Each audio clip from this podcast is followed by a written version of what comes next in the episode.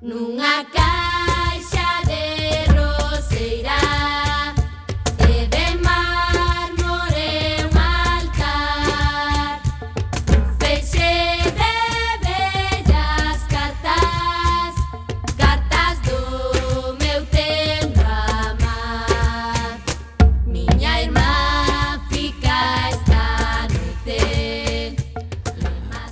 Ola, como estades nesta tarde de febreiro, xentiña recendeira? Benvidas e benvidos a este espazo radiofónico semanal dedicado á cultura que facemos, como sempre, en rigoroso directo os martes ás 7 da tarde, aquí, no 103.4 da emisora comunitaria da Coruña, CUAC FM.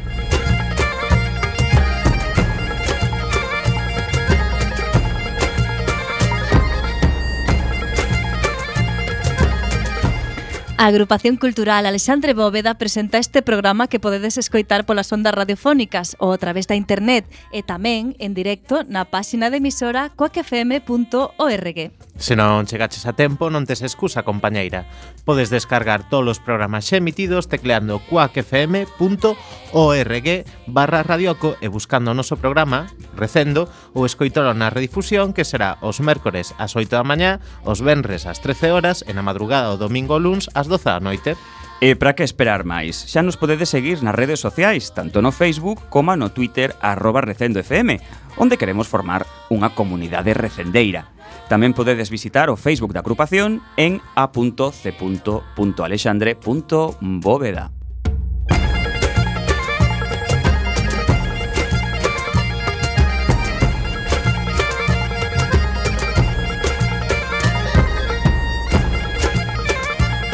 E xa sen máis imos caraló na procura desta fantástica aventura cultural con Roberto Catoira no control técnico e falándolles coa Almanteira, Manu Castiñeira, Javier Pereira e Marta López.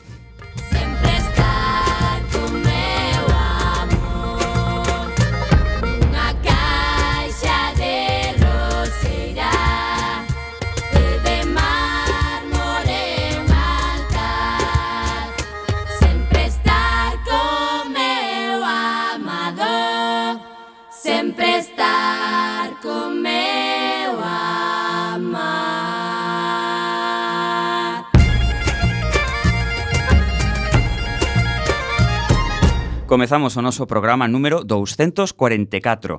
Contaremos hoxe como convidadas con Susana Castro e Inés Cruz, integrantes do colectivo Catro Espazos, que se dedica á facilitación de grupos. E teremos a sección de A Nosa Lingua a cargo de Marcos Maceira, presidente da Mesa pola Normalización Lingüística. E falaremos das actividades da nosa agrupación e das outras cousas que se fan na Coruña e na Galiza e que tamén son cultura a música de hoxe, xa que hoxe é o 14 de febreiro, xa sabe de San Valentín, poderíamos poñer algunhas cancións de amor. Había unhas cantas e ben fermosas no disco A Cada Canto, editado polo grupo homónimo no ano 2012. Disfrutemos da música deste efémero grupo pregando para que algún día voltan, volvan reunirse. A primeira peza que imos escoitar hoxe titúlase Teu nome por mar e terra, unha das cancións de amor galegas máis abrallantes compostas nos últimos anos.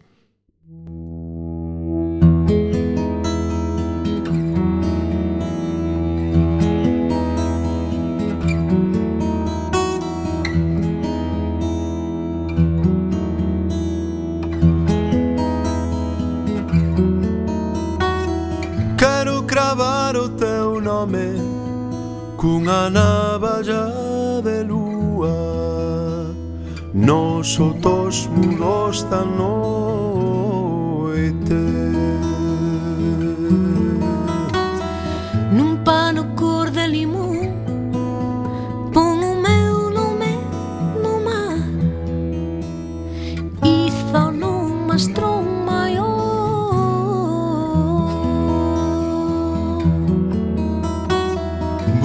escribilo na area co tinteiro de alborada pra que o vexan as sereas.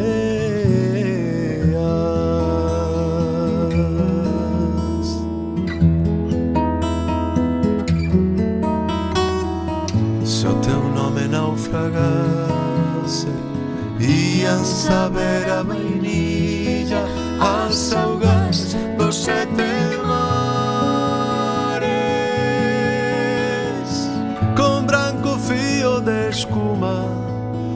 no bordar na bandeira Dunha nao que sai pra Cuba.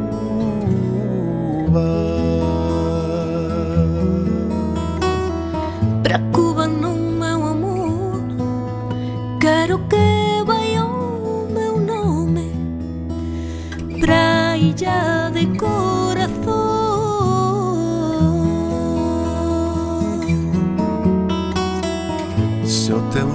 naufragase Ian saber a vainilla As augas dos sete mares. Se o teu nome naufragase Ian saber a vainilla As augas dos sete mares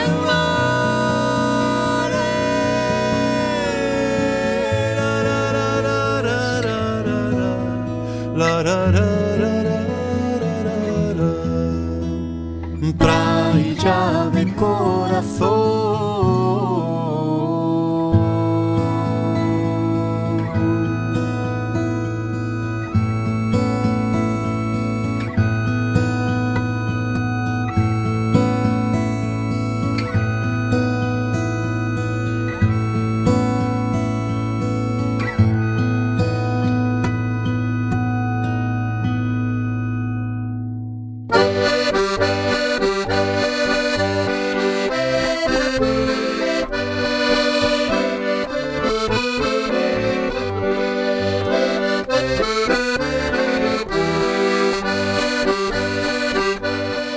Recendemos en Coac FM. É o momento de comezar coas nosas axendas. A primeira delas é a que corresponde á nosa agrupación. Empezamos dicindo que o xoves, día 16, pasado mañá, Xosé Manuel Sánchez Rey, presidente da agrupación cultural Alexandre Bóveda, presenta o seu último libro O falar das fadas nas sedes da Asociación de Veciños da Agra Dorzán. Será ás 20 horas. E o Benres 3, eh, de marzo, neste caso, maratón de lectura da obra de Rosalía de Castro a cargo do alumnado de secundaria e bacharelato do Colexo Calasanta Coruña. Será a partir das 15 horas. E xusto despois do maratón, Xosé Iglesias presentará o seu poemario A Religión do Mar. Será ás 20.30 horas no noso Salón de Actos. E o xoves 9 de marzo, Xosé Ramón Freixeiro Mato presenta o seu último libro titulado Onde ferve o amor por Galiza, que contén 270 cartas entre Sebastián Martínez Risco e o galeguismo do exterior entre 1942 e 1977. Serás 8 da tarde no Salón de Actos.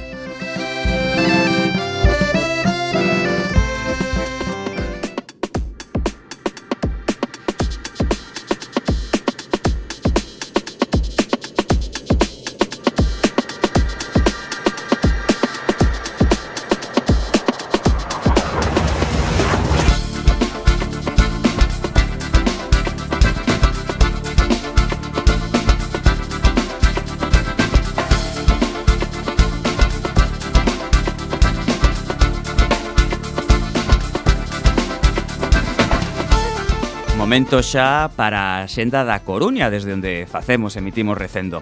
Hoxe, martes 14 de febreiro, ás 9 da noite, chegan desde Atlanta directamente a Mardi Gras os Radio Birds para propoñer toda unha celebración da música dos últimos 70 anos. O sábado, a partir das 10 e media, actuará ali mesmo a banda residente Exit e o sábado 18 regresarán Mooncresta despois de 7 anos presentando o seu terceiro traballo Moonery As portas abrirán ás 10 e media da noite. E o mércores día 15, ás 9 da noite no Palacio da Ópera, o lexendario John Mayall voltará a Coruña cos Blues Breakers dentro da xira Living and Loving de Blues Tour 2017. Mayall, que publicou o seu primeiro disco fai máis de 50 anos, contou, cantou cantou dúas cancións do seu último traballo con Joe Walsh, antigo membro dos Eagles.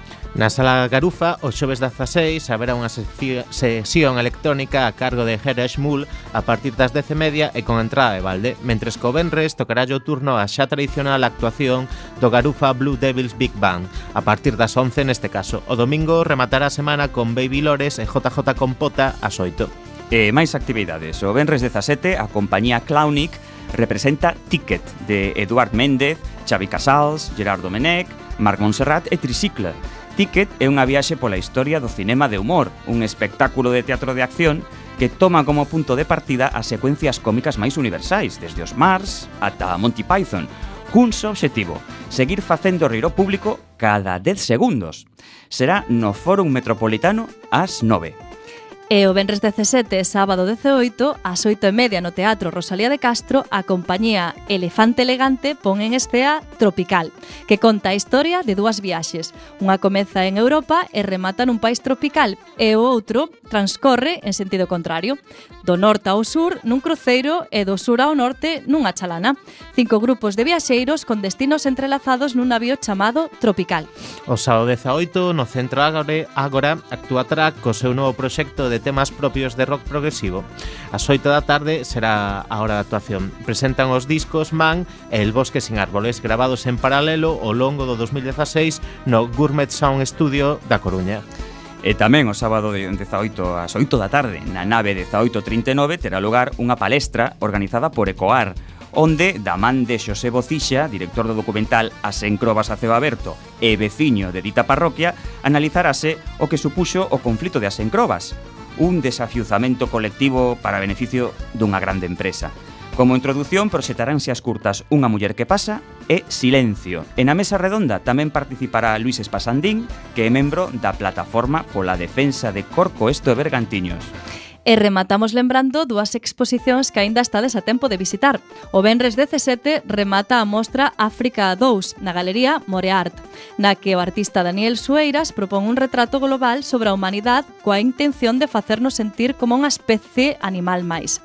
E o día 20 remata na Casa das Ciencias a exposición da colección de cartéis que a Xencia Espacial Estadounidense encargou a un grupo de diseñadores e que se inspira na estética publicitaria dos inicios da aviación comercial. Un Un último apunte, mañá en Non Importa, ás oito e media, actuación de Paul Álvarez e Iago Mourinho coa súa mestura de jazz e flamenco.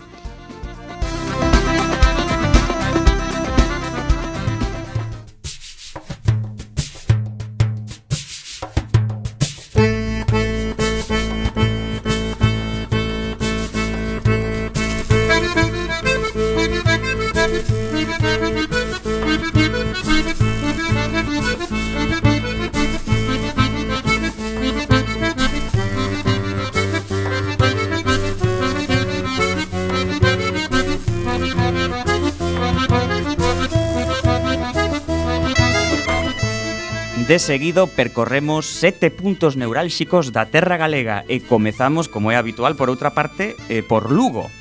Celébrase a cuarta edición da Candeloria 2017 estes próximos venres e sábado. O grupo de ska italiano Talco, os punks míticos de Gatillazo, os galegos Ruxe Ruxe que regresan este evento, ou o grupo de rap vigués Rebelión do Inframundo, entre moitos outros, amenizarán a fin de semana no Pazo de Feiras e Congresos celebrarase tamén un certame de cortos ou eh, videoclips en galego. Máis información sobre as entradas ou o que vos interese saber en www.acandeloria.org. E imos a Ourense, donde Ignatius Farrai, cómico tinerfeño con 15 anos de trayectoria no mundo do audiovisual, chega á cidade das Burgas para transmitir a súa experiencia coa comedia, dunha maneira radical e feroz que pretende alcanzar as fontes da comicidade. Podedes experimentar os seus monólogos este venres ás 21:30 no Café Paul Torgal. Pegamos un chimpo ata Pontevedra e regresamos ao seu cineclube, eh, cineclube. Oxe mesmo na sesión das oito e media para coñecer a historia de, Stroso, de Strosek, un mozo alcohólico que pasou por varios centros psiquiátricos e que sae da cadea e trata de endereitar a súa miserable vida. Establecese xunto cunha prostituta e unha cía nunha pequena vila de Wisconsin e ali comezan a descubrir outros medos distintos dos que os afastaron de Berlín. Unha película de Werner Herzog no teatro principal en versión original con subtítulos. E desplazámonos ata Santiago. Ali atopamos Nostalgia Pop na homenaxe ao grupo Mecano co título de Hijo de la Luna. Robin Torres combina o canto, a danza e a interpretación e afronta o traballo de poñer en pé este espectáculo onde recrea a última xira da formación que se chamaba Aidalai Tour. A cita este vindeiro Benres día 17 na Sala Capitol ás 20.45 horas. E imos a Vigo, de venres a Domingo, as persoas aficionadas aos automóviles clásicos poden asistir ao Salón Retro Auto en Moto, na súa séptima edición, unha exposición de 6.000 metros cadrados. A feira está estruturada en diversas seccións e vai ofrecer expositores variados. Ofrécese tamén aparcamento gratuito e vixiado para quen queira acudir nos co seu modelo de vehículo clásico. Celebrarase nos pabillóns 1 e 2 de, do IFEBI, Instituto Ferial de Vigo. Falamos agora de Ferrol, Pepi, Petit Pop surf na bañeira é un espectáculo familiar no que Petit Pop propón un concerto participativo e divertido para o cal é necesario que o público se implique e axude a desenvolvelo. Segundo prometen, a única idade que importa é a da ilusión, así como as ganas de pasar un bo momento gozando de cancións que pola súa sonoridade e temática conectan tanto con pequenos como con adultos. Será o domingo 19 no Teatro Jofre ás 12. Entre tantos sitios posibles os que ir, esta semana optamos por achegarnos a Berín. O xoves de compadres pasado mañá ponse en marcha o Entroido do 2017 nesta localidade ourensana, coa primeira mascarada colectiva. Tres días despois celebrarase o Domingo de Corredoiro. Preparádevos para vivir o entroido co cigarrón, que é, como sabemos, o elemento principal do entroido de Berín. A súa orixe forma parte da lenda.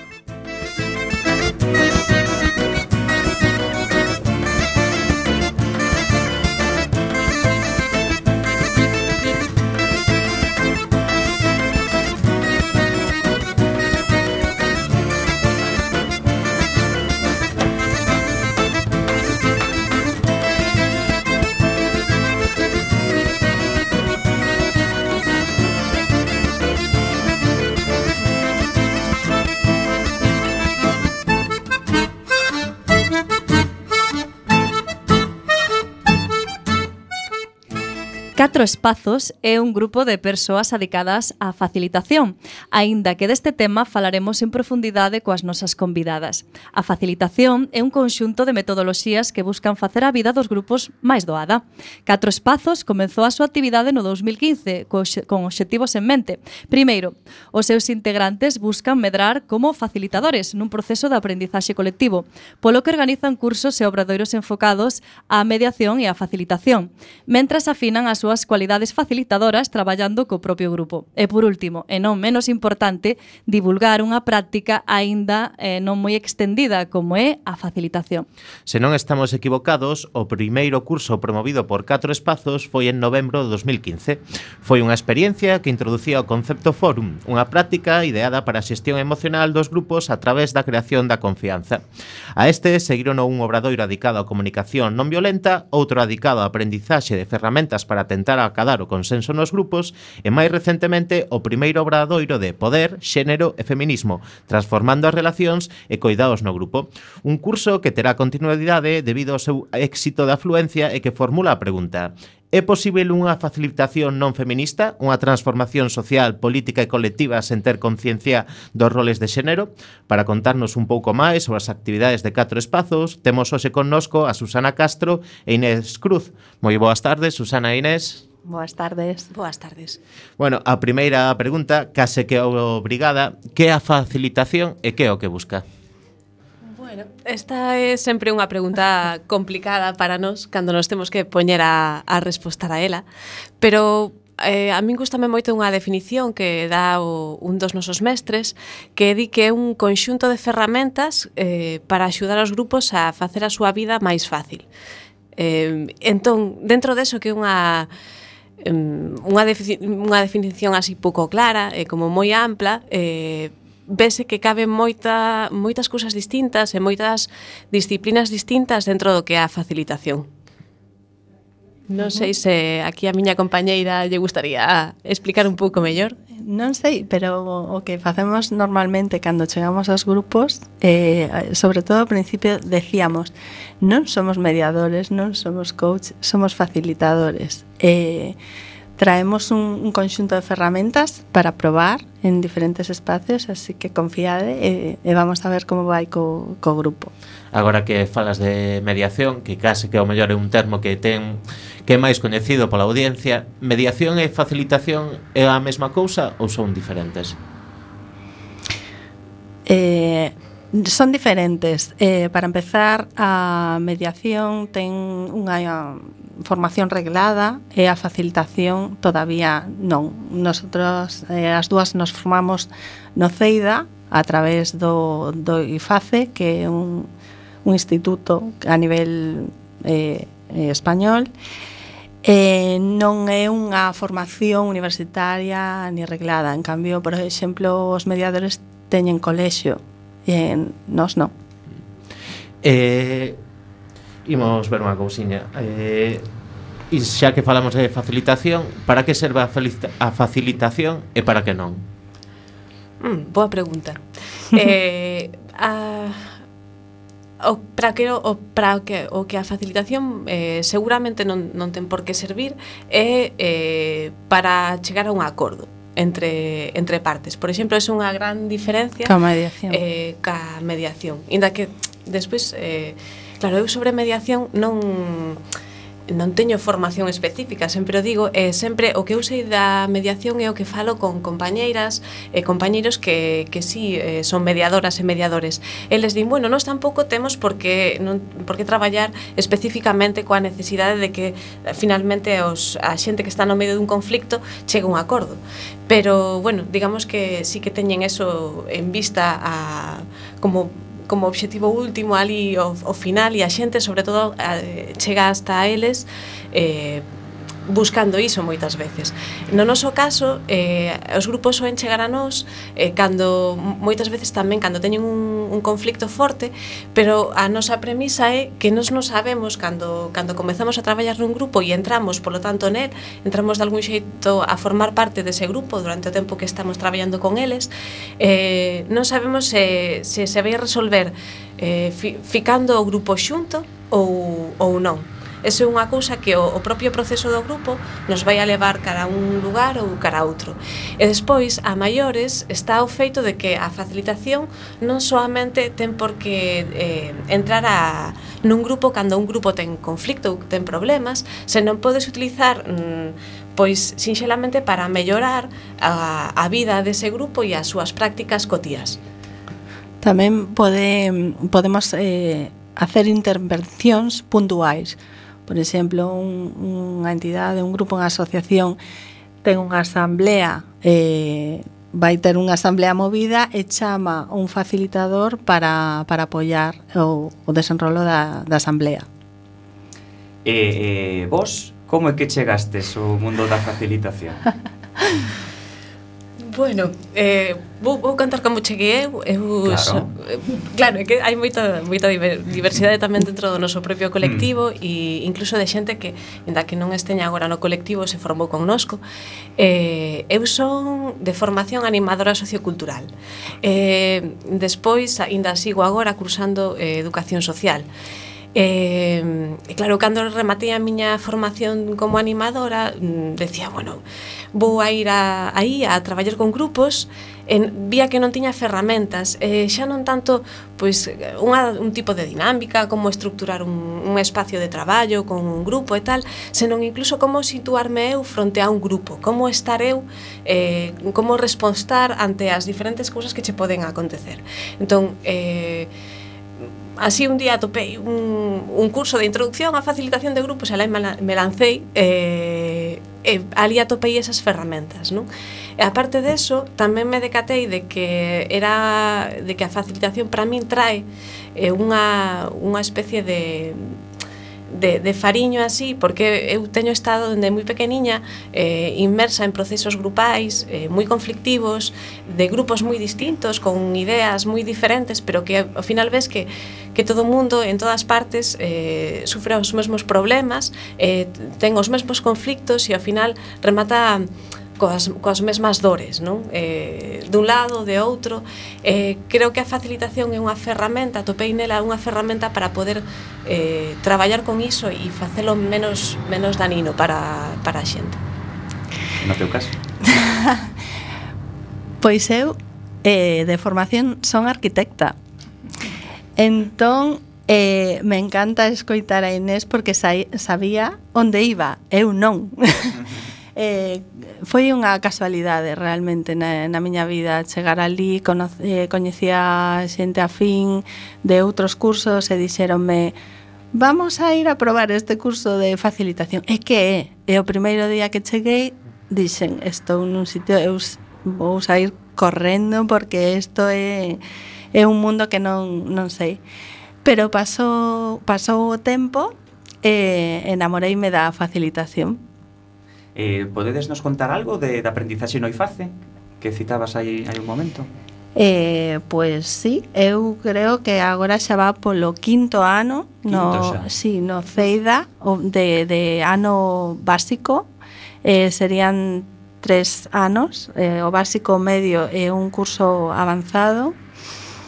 Eh, fixeron creo que un curso tamén de, de medio. -huh. eh, Noiface sí. e o noso ano o medio non foi Noiface foi, non foi Noceida foi eh, noutra asociación e despois avanzado faise cada un de maneira individual con mentores eh, de, do, IFA, do IFACE Eh, con que áreas de, do coñecemento podemos dicir que estaría emparentada a facilitación? Xa polo que comentaba Inés, pois podemos pensar educación social, por exemplo, non? Algún outro ámbito? asociaciones, eh, cualquier? Sí, se cadra eh, a facilitación, por exemplo, a, trae ferramentas e ten, ten e tamén ideas eh, pois da psicoloxía, da psicoloxía da, da psicoloxía de grupos, psicología eh, da, socio, da psicoloxía comunitaria, eh, da socioloxía, Mm, e despois hai, hai cousas que veñen así de, de lugares un pouco máis extraños estilo a física cuántica. Eh. eso habría que comentarlo tamén Ui, bueno, esa é unha formación que estou cursando eu en Barcelona que se chama Psicología Orientada a Trabajo de Procesos. Eh, entón as, as raíces son variadas non, non só a física cuántica tamén o chamanismo e o tao. É unha cousa un pouco de tolos Bueno, moi interesante, isto promete moito. Imos facer unha pequena pausa musical e eh, seguimos escoitando eh, a, a cada canto. Neste caso, a peza leva por título Bexo.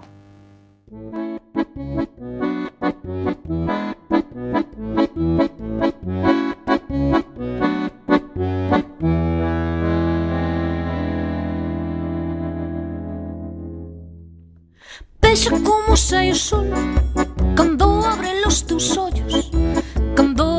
nos teus ollos Vexo como sai o sol Sinto quente toda a cara E as meixelas por ser rubias As meixelas por ser rubias. Sinto quente toda a cara Amence cando espertas O sol que cede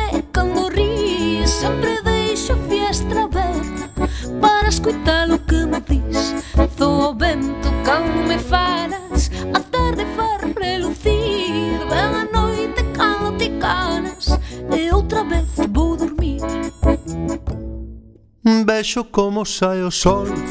Cando abre los teus ollos Cando abre los teus ollos Vexo como sae o sol. Sinto canta toda a cara As meixelas por ser rubias As meixelas por ser rubias. Sinto canta toda a cara Amence cando despertas O sol que cee cando rís Sempre deixa a fiestra aberta será lo que me dis Zo oh, ao vento cando me faz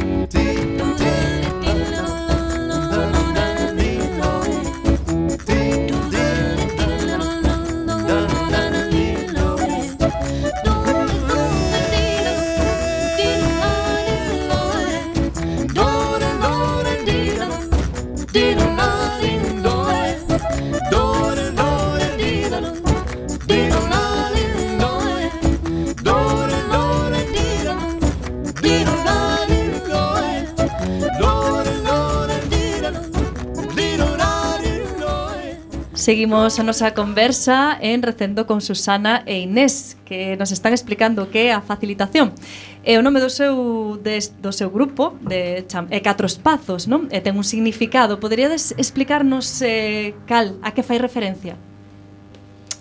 Bueno, eh, Catro Espazos realmente eh, collímolo de un dos pilares básicos eh, da facilitación, que eh, dende a facilitación consideramos que hai catro espazos diferenciados dentro do traballo dos grupos que sempre teríamos, o sea, que os grupos sempre deberían eh, dentro do noso deberían, do que nos pensamos que sería o ideal, eh, tratar como, como espacios diferenciados, eh, que requiren dunha enerxía diferente e que requiren tamén de ferramentas e de metodoloxías de traballo distintas eh.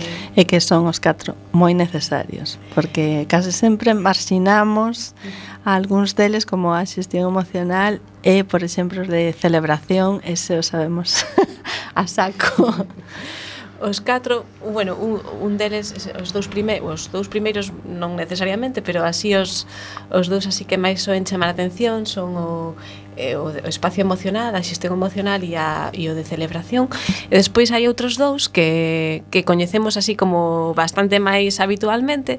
Un é o da asamblea, que sería o espacio de, de toma de decisións, que é basicamente o que soemos mm, facer cando nos reunimos eh, en algún grupo ou en algunha asociación ou incluso en algunha empresa, nos reunimos para tomar decisións sobre o que hai que facer E outro espacio o espacio de taller que cando te reúnes para facer esas cousas. Só que no noso caso, eh, cando a facilitación entra, normalmente é para atraer conciencia de que no, nos espacios de construcción colectiva hai tamén un, un momento de, de inteligencia colectiva que a través de ferramentas podemos utilizar e empregar de xeito máis eficiente eh, bueno, é común. Sí. É un espacio, o espacio de taller, un espacio de indagación, de, de creatividade, onde eh, parir os proxectos e, e continuálos en noutros espacios. Uh -huh. E como naza a práctica da facilitación? É dicir, cales son os seus antecedentes? Mm, boa pre esta, sempre, sí. sempre digo boa pregunta porque todas son boas preguntas para nós. Eh, para min a, a de certo eu estou agora rematando o segundo ano de facilitación E, e a, o meu traballo eh, teño que preparar un traballo escrito sobre este tema e eh, resulta que me atopei como que parece que a facilitación, tal como eu aprendín, é unha práctica sen historia. É unha práctica que de repente chegou aquí a miña vida e incluso ao meu entorno, aquí a Galiza, como se si fora unha especie de, de non sei, de cousa traída por unha nave espacial que baixou de do ceo como se si foran uns, unha especie de, de marcianos que viñeron aquí a enseñar o, o meu profesor eh, eu que non tivera ninguna relación con todo o anterior, pero cando te posa a investigar, eh, pois, por exemplo, o término de facilitación se utiliza moito en América Latina, dende hai moitos, moitos anos, eh, da xente que traballa en na, na, no que sería a, din, a dinamización comunitaria, eh, tamén é unha, un termo que ven moito do, do mundo anglosaxón, tamén en relación con eles, eh, realmente son prácticas de desenvolvemento comunitario eh, que veñen pois de, de outros lugares, non? De da bueno, do mundo, eh, que aquí se, se engarzan con cousas que tamén se fixeron anteriormente aquí, claro. Queres apuntar algo? Non. Está moi ben. Eh, na introdución dicíamos que o voso primeiro obradoiro ou curso que, que promovestes foi adicado ao Fórum. Que é este concepto Fórum? O Fórum, pois o Fórum é unha é unha ferramenta, unha disciplina de xestión emocional que naceu en na comunidade C en Alemania. Eh, C que está como a 80 km de Berlín. Eh, levan 25 anos convivindo na comunidade. Eh, pois deronse conta que necesitaban ferramentas para, para convivencia e para a xestión de conflictos e, de, do seu espacio. Actualmente viven 120 persoas ali e foron creando, experimentando unha das súas bases da comunidade é experimento vivo, non? E foron experimentando eh, técnicas de xestión emocional para, para convivir, para convivencia. Eh, Entón, eh, agora están comenzando a, a enseñar esta, esta técnica eh, en España, en Estados Unidos, agora está a miña profesora en, en Brasil creando facilitadores forum. Eu rematei a miña formación este ano para ser facilitadora forum.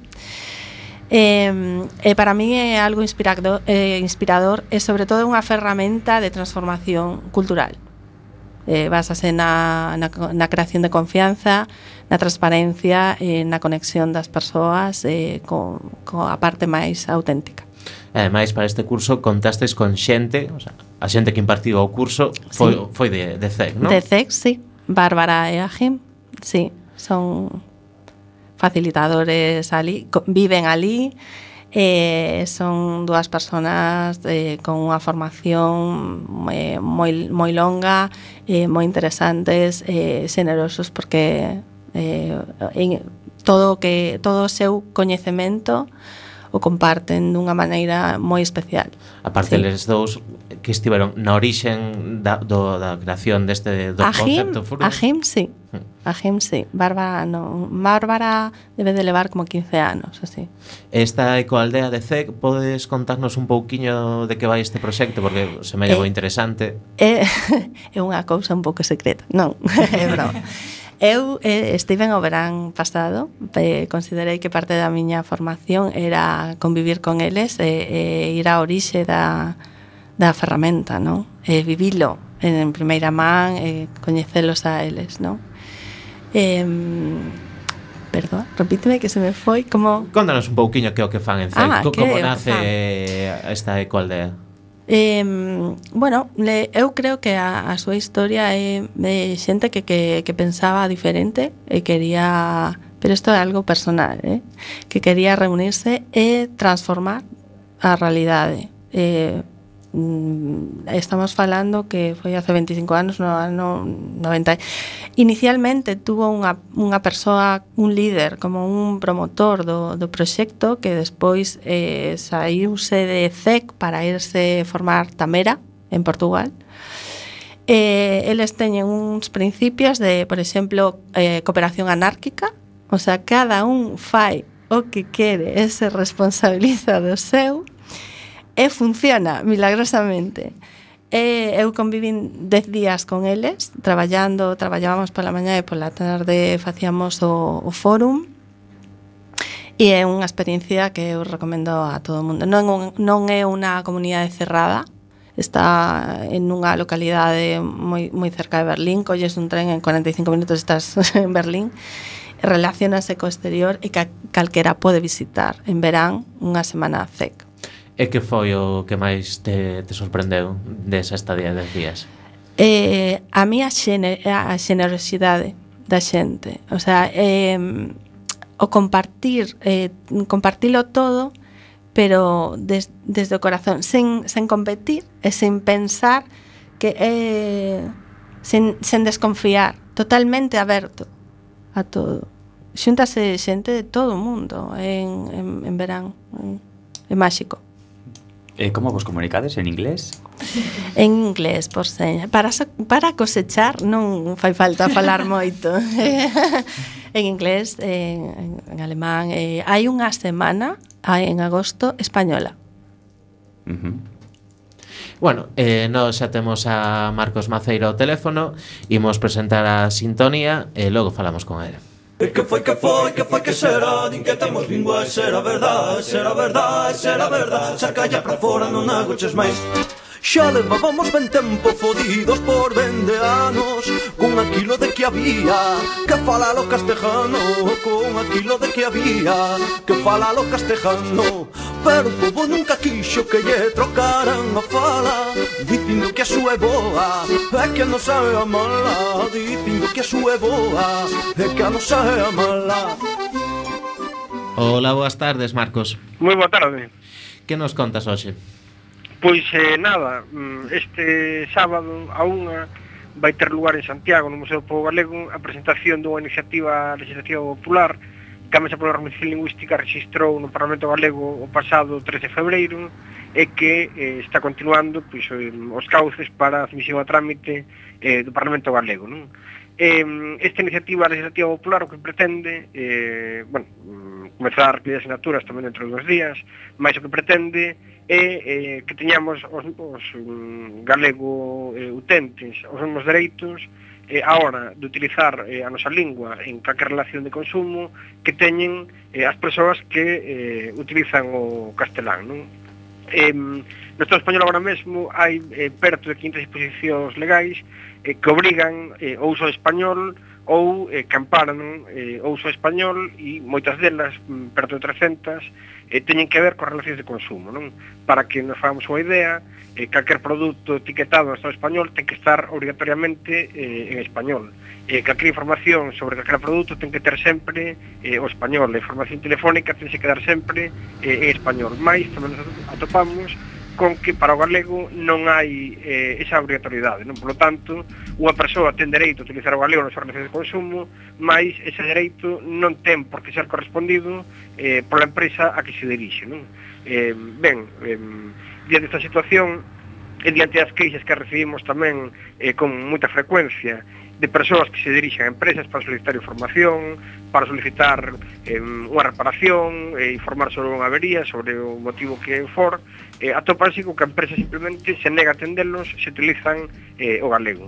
E para por fin eh, a todo isto presentamos esta ILP que o que pretende garantir que se cumpran eses dereitos lingüísticos, nunca eh, que se recoñece explícitamente de maneira aberta que sacar galego, galega ten dereito a recibir en galego información eh, sobre medicamentos, sobre calquer produto que vai a comprar eh, no supermercado, eh, eh, información sobre eh, manuais eh, de utilización deses produtos, información oral, eh, todo o que ten que ver coa sinalización, tamén que se cumpra eh, a lei en relación á toponimia, eh, etcétera, etcétera, non? eh, realmente co se pretende igualar os dereitos lingüísticos eh, no ámbito do consumo a todos os niveis.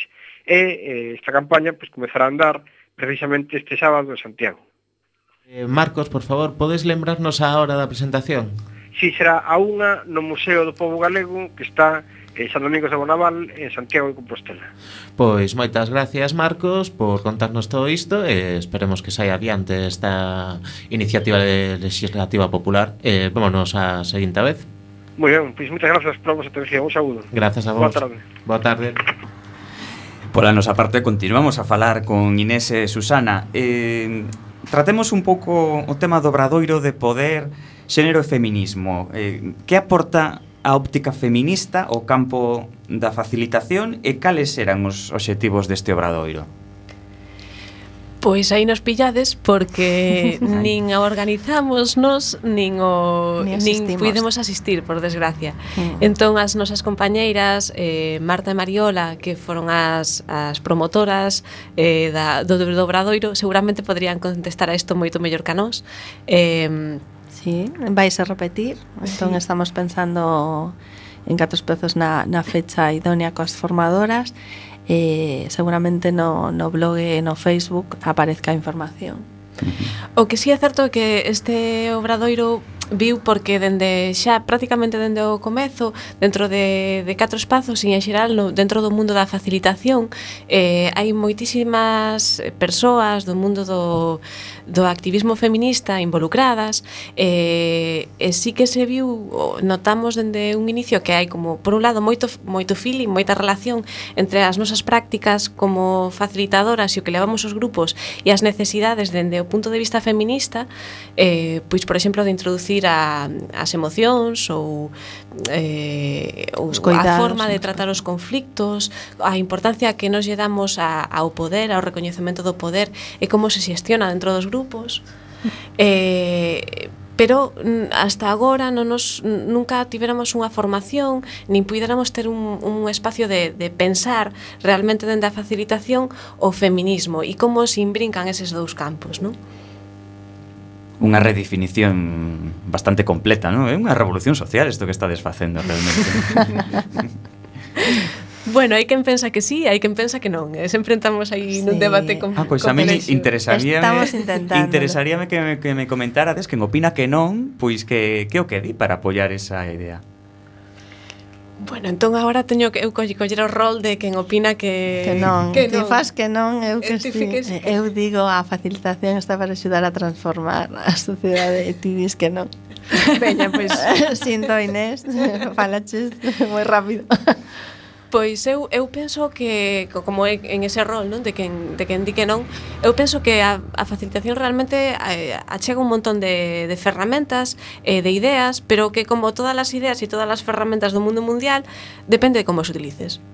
Entón, podes axudar a, a, a a sentar o statu quo e eu teño visto como eh, a, a partir de intervencións facilitadoras se se chegaba a, a quedar a cousa tal cual estaba antes ou incluso peor eh, e a reafirmar eh, posicións de poder eh, e tal en, e por eso penso que que non ten por que ser revolucionario claro, e que non vale, non? sobre todo nos grupos que non valen, non valen eso non transforma nada bueno. eh, nada, nada, querías decir algo máis Xa, xa, xa está. Xa está. Bueno, vexo que as, as emocións semellan que son moi importantes, non? Para a facilitación. Como sí. poden ser estas emocións unha fonte de, de poder? Explicadnos. Pois eu creo que marxinando as emocións eh, non, primeiro non, non conseguimos nada eh, porque xeneranse pois eh, con, eh, cotilleos eh, enerxías eh, moi densas, non? Entón, eh, eu creo que as emocións teñen un poder se, se temos consciencia delas. O sea, hai como en fórum eh, falamos de que hai luces e sombras das emocións e que se coñecemos a parte positiva, por exemplo, de, da, da rabia, eh, podemos utilizala ao noso favor, como algo, como un motor de, de acción marxinalas eh, para un facilitador eh, eh, é a condena nun grupo, non? Se eu estou sintindo algo nu, cando vou a un grupo, eu estou notando a atmósfera grupal, se está en min, tamén está no grupo. Eh, é a miña labor pone, poñer coñecemento do que está pasando en ese momento e non marxinalo para dar voz a xente que quera expresar a mesma emoción ou, ou, ou a contraria. Mm. E se falamos de poder, como se relaciona coa liberdade? A ver, eh, o poder é eh, un temazo, un temazo moi interesante. Que pasa can, eh, cando non somos cos, conscientes do noso poder? Xeralmente abusamos, oprimimos, Eh, eh, se, se temos consciencia dos nosos privilexios, don, da nosa posición na sociedade, eh, podemos eh, actuar con consciencia. A inconsciencia do poder personal eh, produce eh, opresión moitas veces. Entonces crees que os poderosos que non, non son conscientes do seu poder?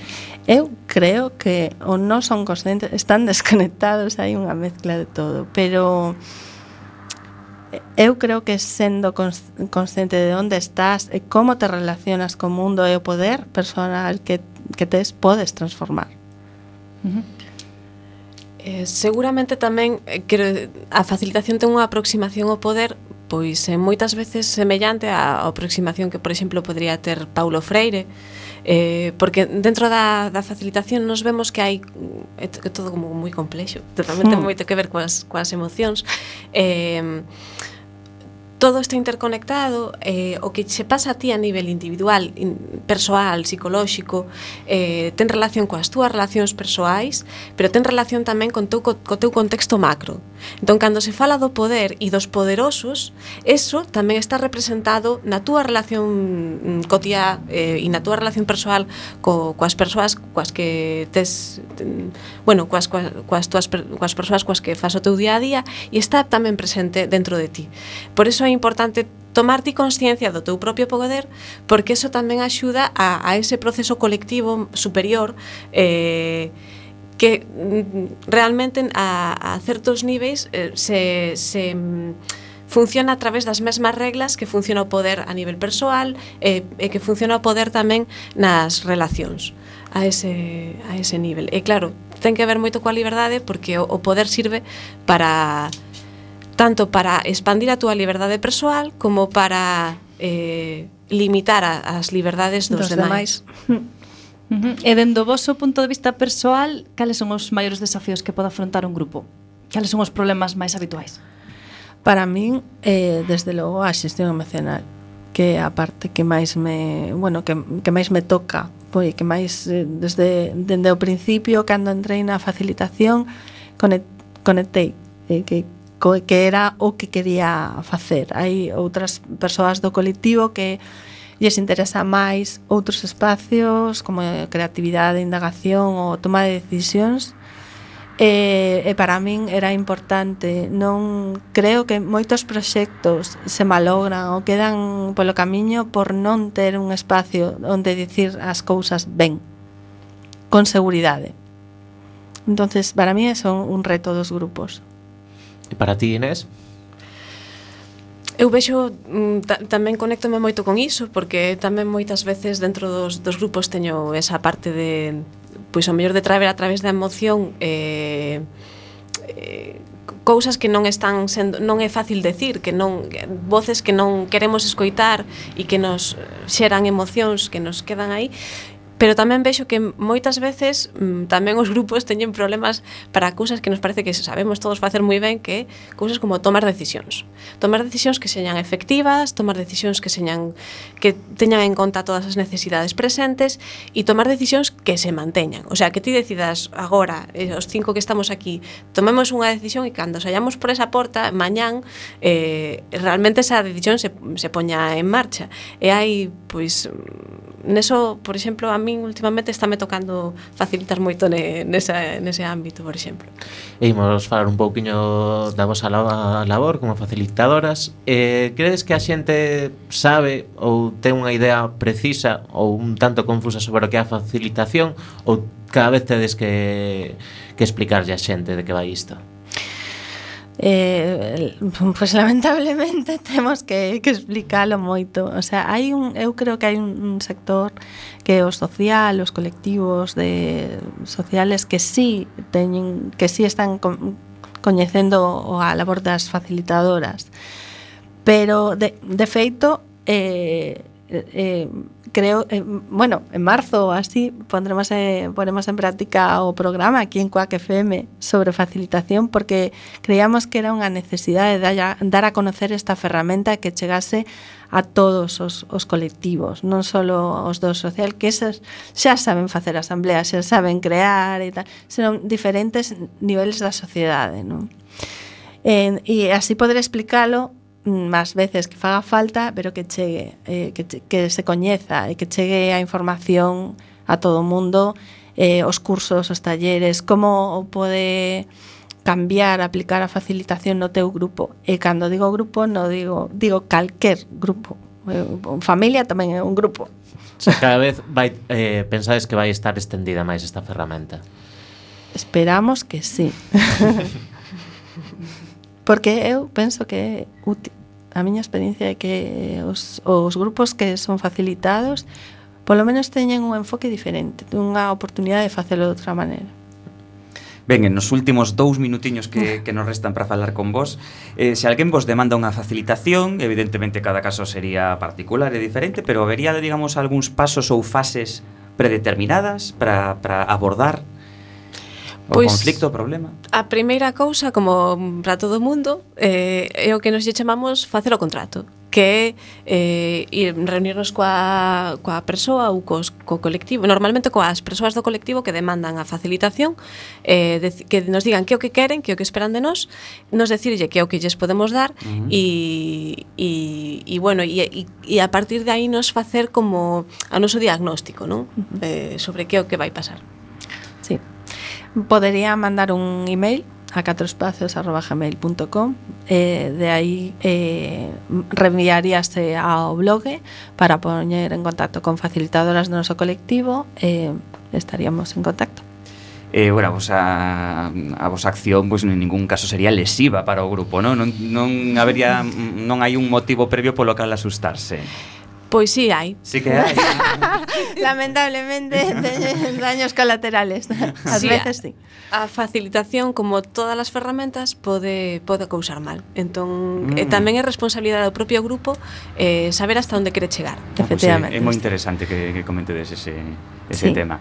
Eh, eh, dicídenos, tedes xa data concreta para comezar a vosa emisión en Coaque FM? E eh, queremos que marzo, pero non sei, Te, temos que negociar. Sí. Vamos a mediar ou facilitar Inés entre nós. Gustaríanos en marzo. Moi sí. ben, pois Inés, Inés Cruz, Susana Castro, moi agradecidos, aprendemos moito, agora xa sabemos algo en torno á facilitación. Así que verémonos máis aquí nesta Santa Casa Coaque FM. É moito máis que aprenderemos da facilitación. gracias Moitas a vos. grazas. Gracias a vos. E sen tempo para máis odiseas, imos chegando a fin do camiño deste recendo. Despedimos o programa de hoxe agradecendo as nosas convidadas que, como sempre, son de honra. Estiveron con nós Inés Cruz e Susana Castro do colectivo Catro Espazos e tamén contamos con Marcos Maceira e a nosa lingua e agradecendo a semente e pedra angular de todo o noso comando e equipo de producción formado por Javier Pereira, Antonio Brea, Manu Castiñeira e Roberto Catoira. E aquí estivemos Roberto Catoira nos controis e coa lento do micrófono Manu Castiñeira, Javier Pereira e Marta López. Deixaron acompañándote neste recendo de palabras e de imaxes radiofónicas que nos traen este aroma cantado na nosa lingua e que nos permite hoxe e tamén no futuro a permanencia da palabra, da música e da implicación e o compromiso coa nosa nación a Galiza. Ato vindeiro martes a 7 da tarde en directo nesta emisora Guac FM da Coruña. Xa sabedes, recendo as mil primaveras que terá o noso idioma.